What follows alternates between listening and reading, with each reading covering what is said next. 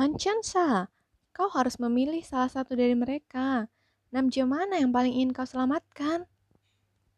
Kata makhluk bertudung hitam itu dengan menggeram. Suaranya terlampau parau dan membuat gadis berambut panjang itu bergidik ngeri karena makhluk buruk rupa itu mengacungkan ke arahnya sebuah senjata tongkat sabit yang berkilauan sangat tajam. Serio, keduanya begitu penting untukku. Chris dan Juicy, keduanya begitu berharga. Kenapa aku harus memilih? Aku menginginkan keduanya. Kenapa aku harus memilih? Gadis itu, Han Chonsa, kini sudah berurayan air mata melihat kedua pria di hadapannya yang seolah dibungkam dan diikat oleh kekuatan magis makhluk itu sehingga tak dapat bergerak dan mengeluarkan suara sedikit pun. Bibir mereka terkatup rapat. Kaki mereka seperti dipaku ke tanah di area bibir tebing yang jika selangkah saja mundur, mereka akan langsung terjun ke dalam laut di bawahnya yang dipadati karang-karang meruncing tajam. Walau begitu, kedua pria muda itu terlihat sekuat tenaga meronta melepaskan diri. Karena salah satu dari mereka akan menjadi masa depanmu dan kau tak boleh salah pilih. Salah satu atau keduanya tidak sama sekali. Jangan paksa aku untuk memilih. Aku menyayangi keduanya. Chris cinta pertamaku. Dan letak aja sih. Suara Chunsa tercekat. Ia kesulitan bernafas, berbicara, ataupun melihat dengan jelas di saat yang bersamaan. Aku tak pernah berpisah dengannya seumur hidupku. Aku mau kedua. Ah, kau tak akan pernah bisa membuat kesepakatan dengan setan sepertiku. Kau akan menanggung akibatnya karena terlalu lama membuang waktuku. Klik. Makhluk itu menjentikan jarinya Seketika, tanah tempat Chris dan Letek berdiri tiba-tiba retak dan longsor, membuat kedua pria itu jatuh ke bawah laut. Chunsa memakik tak berdaya. Andre! Kau sudah membuat pilihanmu sendiri. Salah satu atau keduanya tidak sama sekali.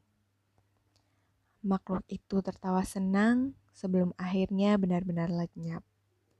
Chonsa yang sangat lemas menyeret tubuhnya untuk melongok ke arah laut yang sudah menelan tubuh letek dan keris. Dua pria yang dikasihinya.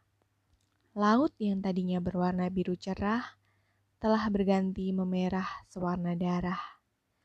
Gadis mungil itu jatuh lemas dalam posisi bersimpuh di bibir tebing, menangisi penyesalannya ia sudah kehilangan semuanya. Tonajima, Tatakayoshi, Grace. Satu, Prison Guardian. Love sometimes can be magic, but magic sometimes can just be an illusion. Han Letek Tonajima, tetap aja sih, Chris.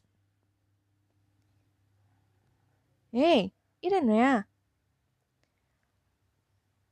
Kurasakan ada yang mengguncang-guncang tubuhku. Aku pun segera membuka mata. Syukurlah, ternyata itu tadi sepertinya hanya mimpi. Semua yang terlukis buram dan menyakitkan tadi cuma bunga tidurku. Di hadapanku, sosok yang sudah berhenti mengguncang bahuku tengah menatapku khawatir. Untuk aja sih, aku mau. Pria yang tujuh tahun lebih tua dariku itu lalu mendudukanku dan menghapus keringat yang memenuhi wajahku dengan belayan tangannya yang terasa dingin. Sebenarnya kau mimpi buruk atau sedang mandi? Kemudian ia mengeluarkan senyumnya yang selalu dihiasi lesung pipit di samping bibirnya itu, tanda ia sudah kehilangan cemasnya. Untuk aja sih, aku mulai membuka cerita. Mimpi ini benar-benar buruk. Aku bermimpi kalau aku, kau, dan Chris itu se... Stop. Larang letek sambil menempelkan telunjuknya ke bibirku. Jangan pernah mencoba mengingat hal yang membuatmu tersiksa. Itu hanya akan memperkuat memori burukmu yang telah berlalu. Baiklah, ia mulai lagi, mengganggu telingaku dengan ceramahannya. Kita di mana? Lalu mana Chris? Potongku mengajukannya berharap ia berhenti mengeluarkan petuahnya. Aku mulai memandangi sekelilingku. Ruangan ini didominasi oleh warna putih, tirai, bed cover, karpet, bantal, cat tembok, semuanya putih. Pemandangan kamar yang terasa sedikit asing untukku. Tapi firasatku mengatakan aku pernah ke tempat ini sebelumnya. Kau lupa kita sedang liburan di Jepang. Dan siapa pula itu Chris? Kita ke Jepang hanya berdua. Ini rumah kita yang di Jepang.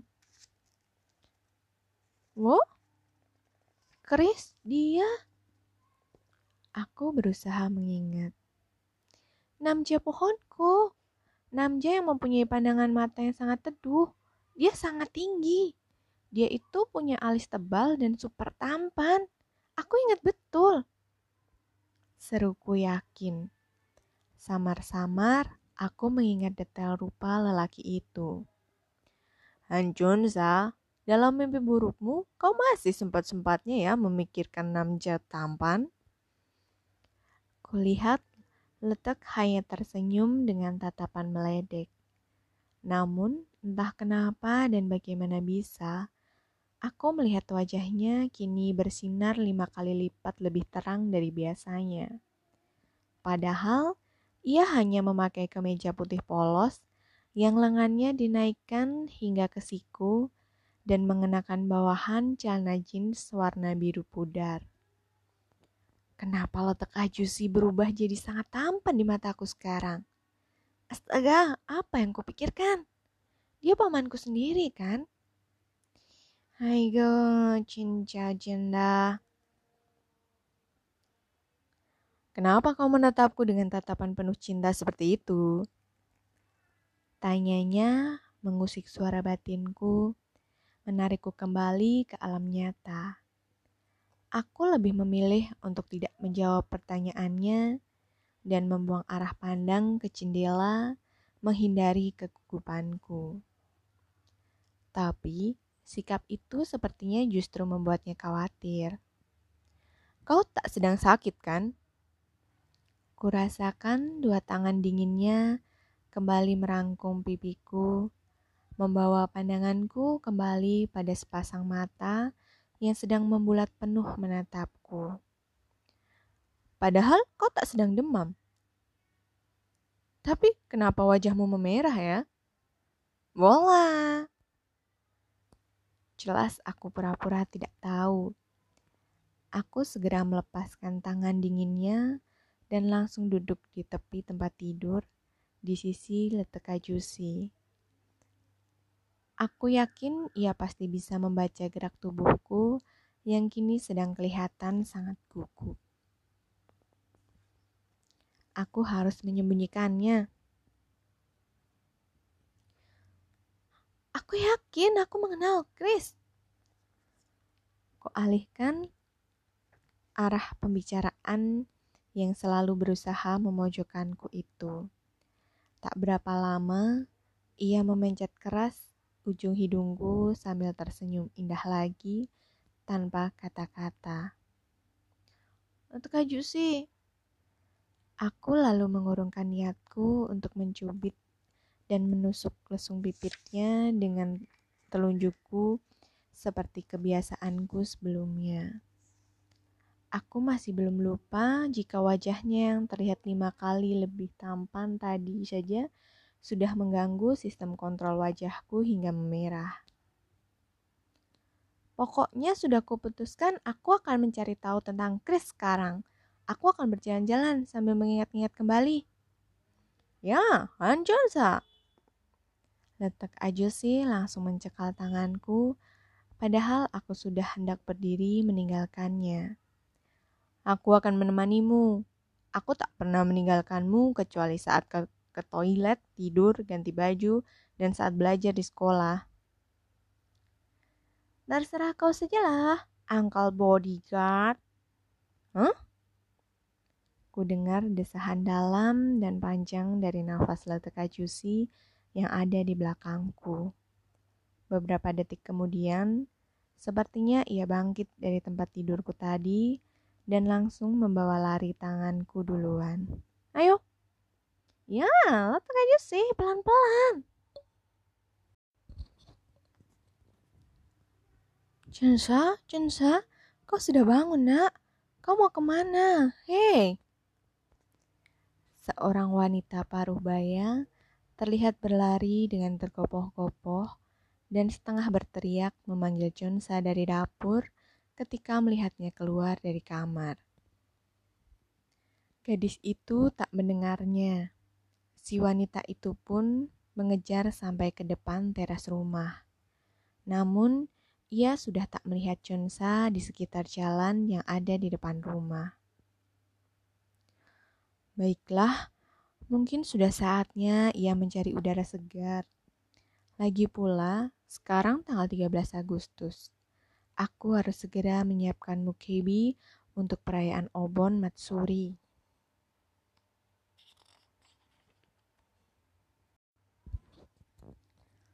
La la la la la la. Jonsa bercingkat-cingkat kecil sambil bersenandung dengan riang di antara trotoar jalanan Jepang. Jonsa yang berjalan di depan ajusinya kini berhenti sejenak untuk mengelus sebuah patung anjing keperakan yang cukup besar yang baru saja dilihatnya. Kyopta! Mereka berdua kini sedang berjalan melewati pintu keluar Hachiko yang terletak di depan Shibuya Eki. Dilihat dari banyaknya orang yang berlalu lalang dan berkumpul membentuk grup pertemuan, Chonsa jadi memahami arti Shibuya Eki yang dinobatkan sebagai salah satu penyeberangan umum tersibuk di dunia. Shibuya adalah salah satu distrik khusus di pre prefektur Tokyo. Chonsa lalu melanjutkan langkahnya, memperhatikan banyak remaja seusia dirinya yang bebas mengekspresikan identitas berbusana di sepanjang jalanan Shibuya yang juga pusat budaya anak muda di Jepang. Tak lama, ia terlihat mengambil napas dalam-dalam dan menghembuskannya perlahan sambil tersenyum. Jepang sungguh panas sore ini. Benar kan Latuk si? Hei, apa itu awan? Tunjuk Chonsa yang kaget sesaat setelah pandangannya berbalik ke arah letek yang berjalan di belakangnya yang ada di atas kepalamu itu. Mata Chunsa langsung terbelalak saat menyadari dirinya melihat segumpal awan kecil berwarna putih cemerlang yang ada tepat di atas kepala letek. Mana? Kau salah lihat. Letek menampik dan membuyarkan sekumpulan awan putih yang ada di atasnya. Tak ada apa-apa di atas ini. Cinca? Chunsa memejamkan kedua matanya, lalu mengucek kelopak matanya dengan keras. Mungkin mulai sekarang aku harus pakai kacamata. Mungkin. Chunsa lalu membuka kedua matanya perlahan. Belum lama ia terbukau dengan benda serupa awan Kini ia menemukan hal lain yang sama menariknya. Hei, Sekarang dari mana kau dapat payung itu? Chunsa lalu memicingkan matanya ketika mendapati letak ajusinya sekarang sudah memakai payung putih yang cukup besar. Magic, jawab letak sambil mencentikan jarinya dan tersenyum, memperlihatkan sepasang lesung pipitnya. Mau bergabung? Chunsa menggeleng sambil tersenyum. Ani?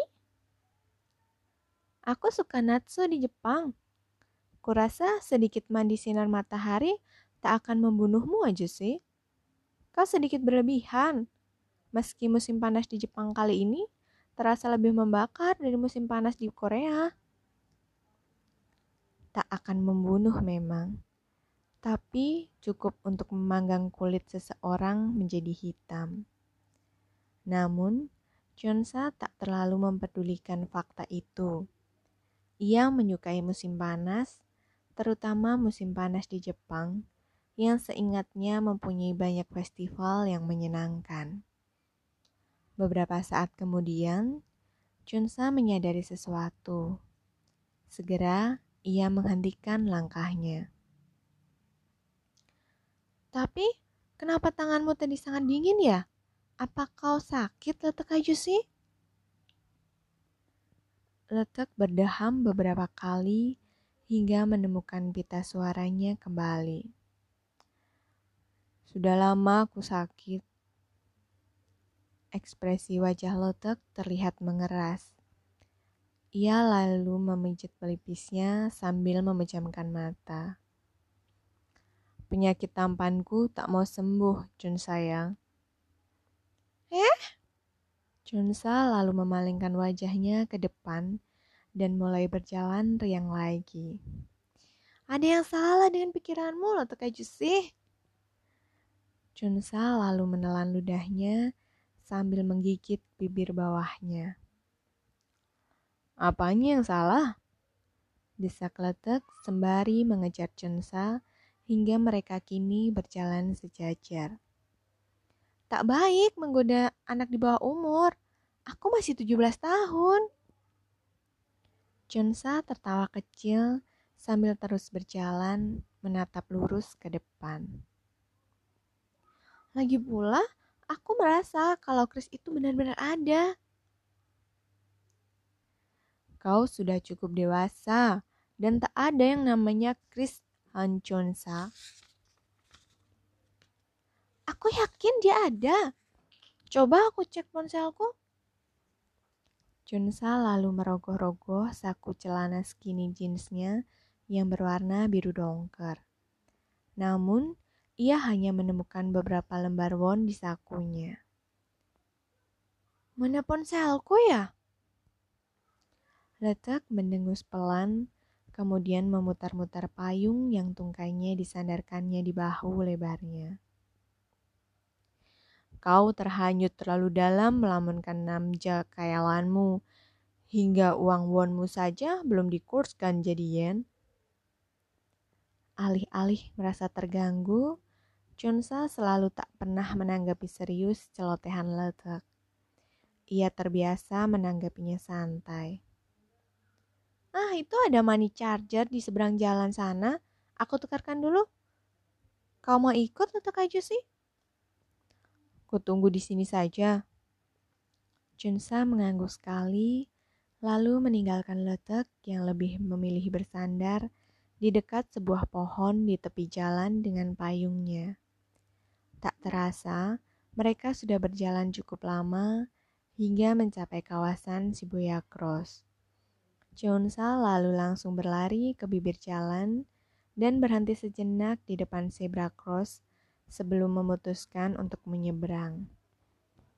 Kendaraan merek dalam negeri mendominasi jalanan padat perempatan terkenal di Shibuya. Chionsa menunggu bersama penyeberang lain yang jumlahnya mencapai ratusan atau mungkin malah ribuan orang.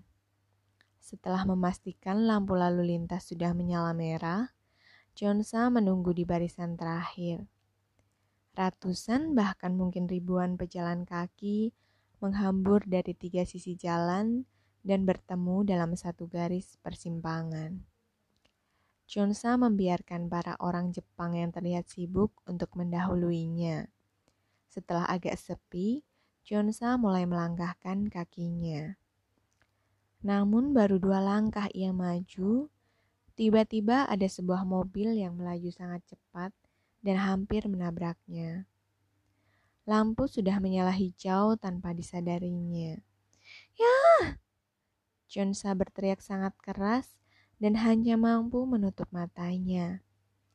Ia memilih pasrah, menyerahkan dirinya pada waktu. Namun anehnya, ia merasa tiba-tiba seperti ada sebuah guncangan yang menariknya hingga terlempar mundur ke pinggir jalan. Dengan nafasnya masih tersengal, dan jantung berdegup terlampau kencang hingga membuat seluruh rongga dadanya sakit, Chionsa lalu membuka matanya perlahan. Ia terkejut menyadari terbangun dalam dekapan kuat letak. Letak Ajusi, kau tadi jadi perisaiku. Ajusi, kencana? Bodoh, kalau saja aku tak datang, kau sudah. Ais! Letak lalu bangun dan melepaskan pelukannya dari tubuh Chonsa. Begitu kesalnya, ia pun langsung melangkah meninggalkan Chonsa, mengambil payung putih besarnya yang terbalik di trotoar jalan raya, dan memakainya lagi sembari melanjutkan langkahnya, pergi semakin jauh meninggalkan Chonsa sendiri. Nataka Jose, pekik Chunsa. Miane.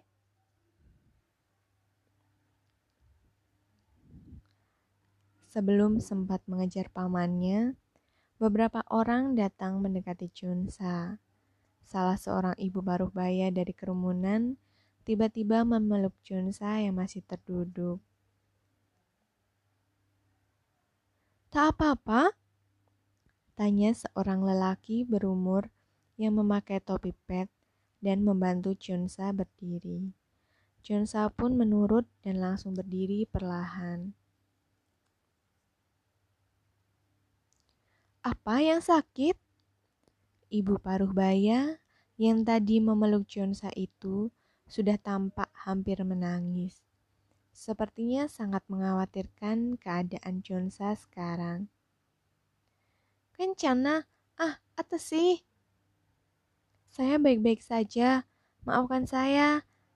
Terima kasih banyak. Jonsa lalu membungkukkan badannya beberapa kali, kemudian berlari, berusaha memperpendek jaraknya dengan letek. Lain kali lebih berhati-hatilah. Seorang pria lain yang turut berkerumun tersenyum penuh kelegaan.